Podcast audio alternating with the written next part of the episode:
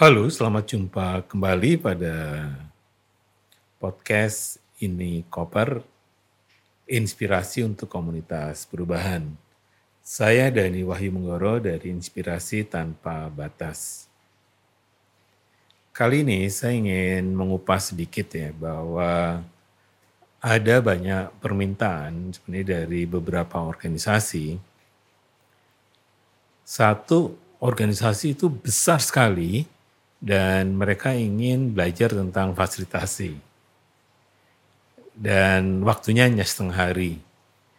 Jadi saya harus berpikir keras apa yang kita bisa belajar dalam waktu tiga jam untuk bisa paling tidak tahu dan juga mengerti bagaimana menggunakan teknik-teknik fasilitasi untuk membantu kelompok atau organisasi atau komunitas untuk mencapai tujuannya.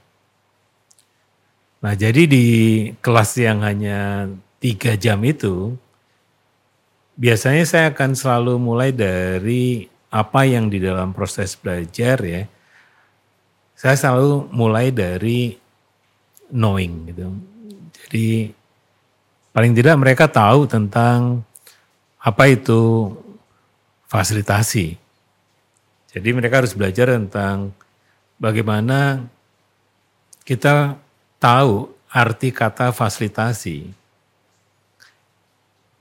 Akar katanya kan kita sama-sama tahu ya, fasil. Fasil itu mudah. Nah, mudah ini agak beda dengan simple. Jadi beda ya antara sederhana dan mudah.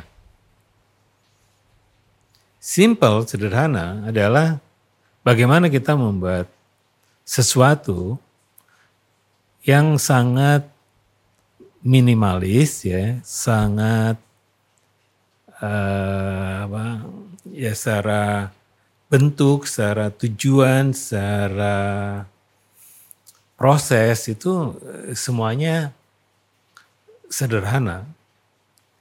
Dalam konteks sederhana, jangan-jangan kita sebenarnya tidak mengeluarkan energi apa pun, justru mengurangi energi-energi yang lain sehingga bentuk-bentuk sederhana itu bisa terjadi.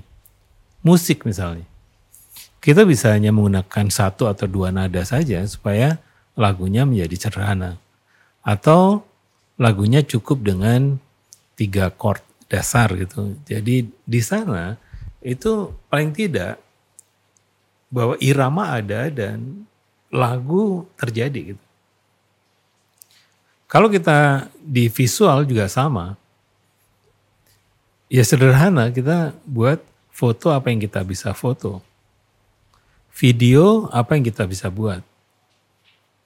Kemudian kalau menggambar sama juga kalau saya hanya menggambar satu coretan saja, maka dia sederhana. Karena saya tidak butuh energi berlebihan untuk membuatnya terjadi.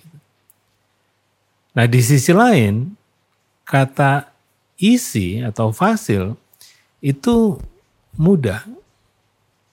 Bahkan di fasil itu make everything easier. Jadi gimana supaya segala hal menjadi lebih mudah. Nah, di sini kita belajar lagi-lagi tentang energi.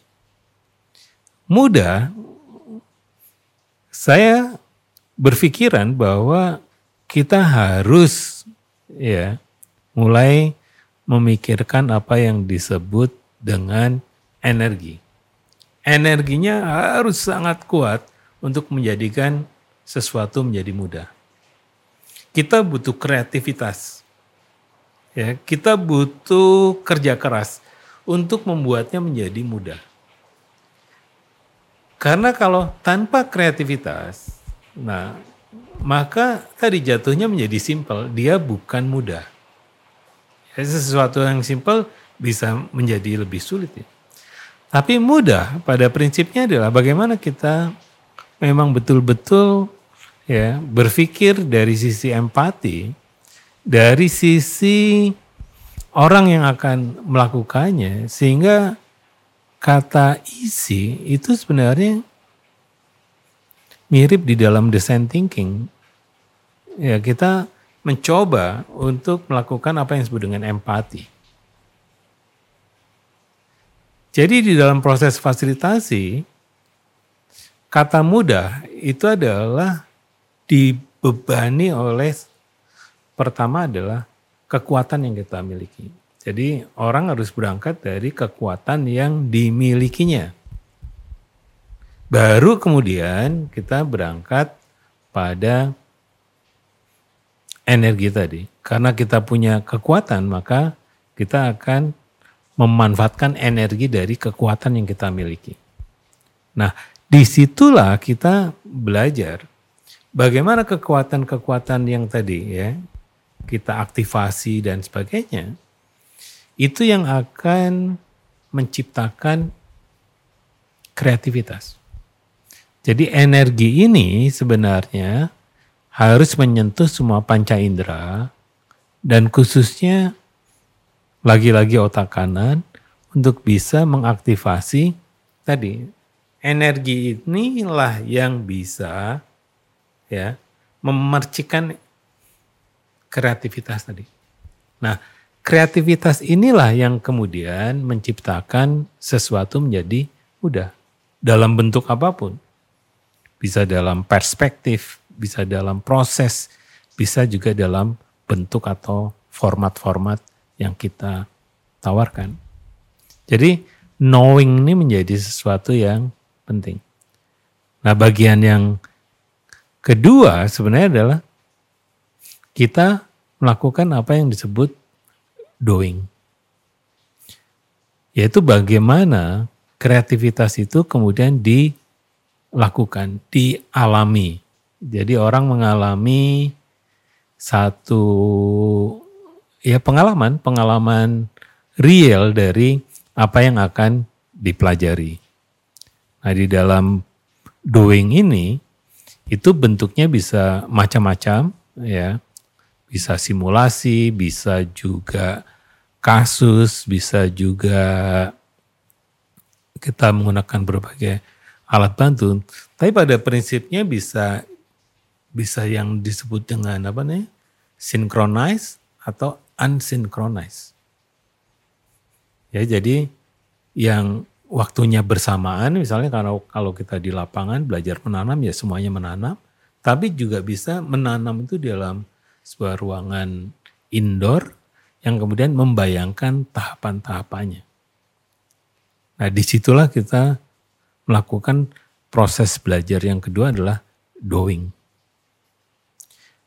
Nah, yang ketiga ini yang sering ditinggalkan itu playing.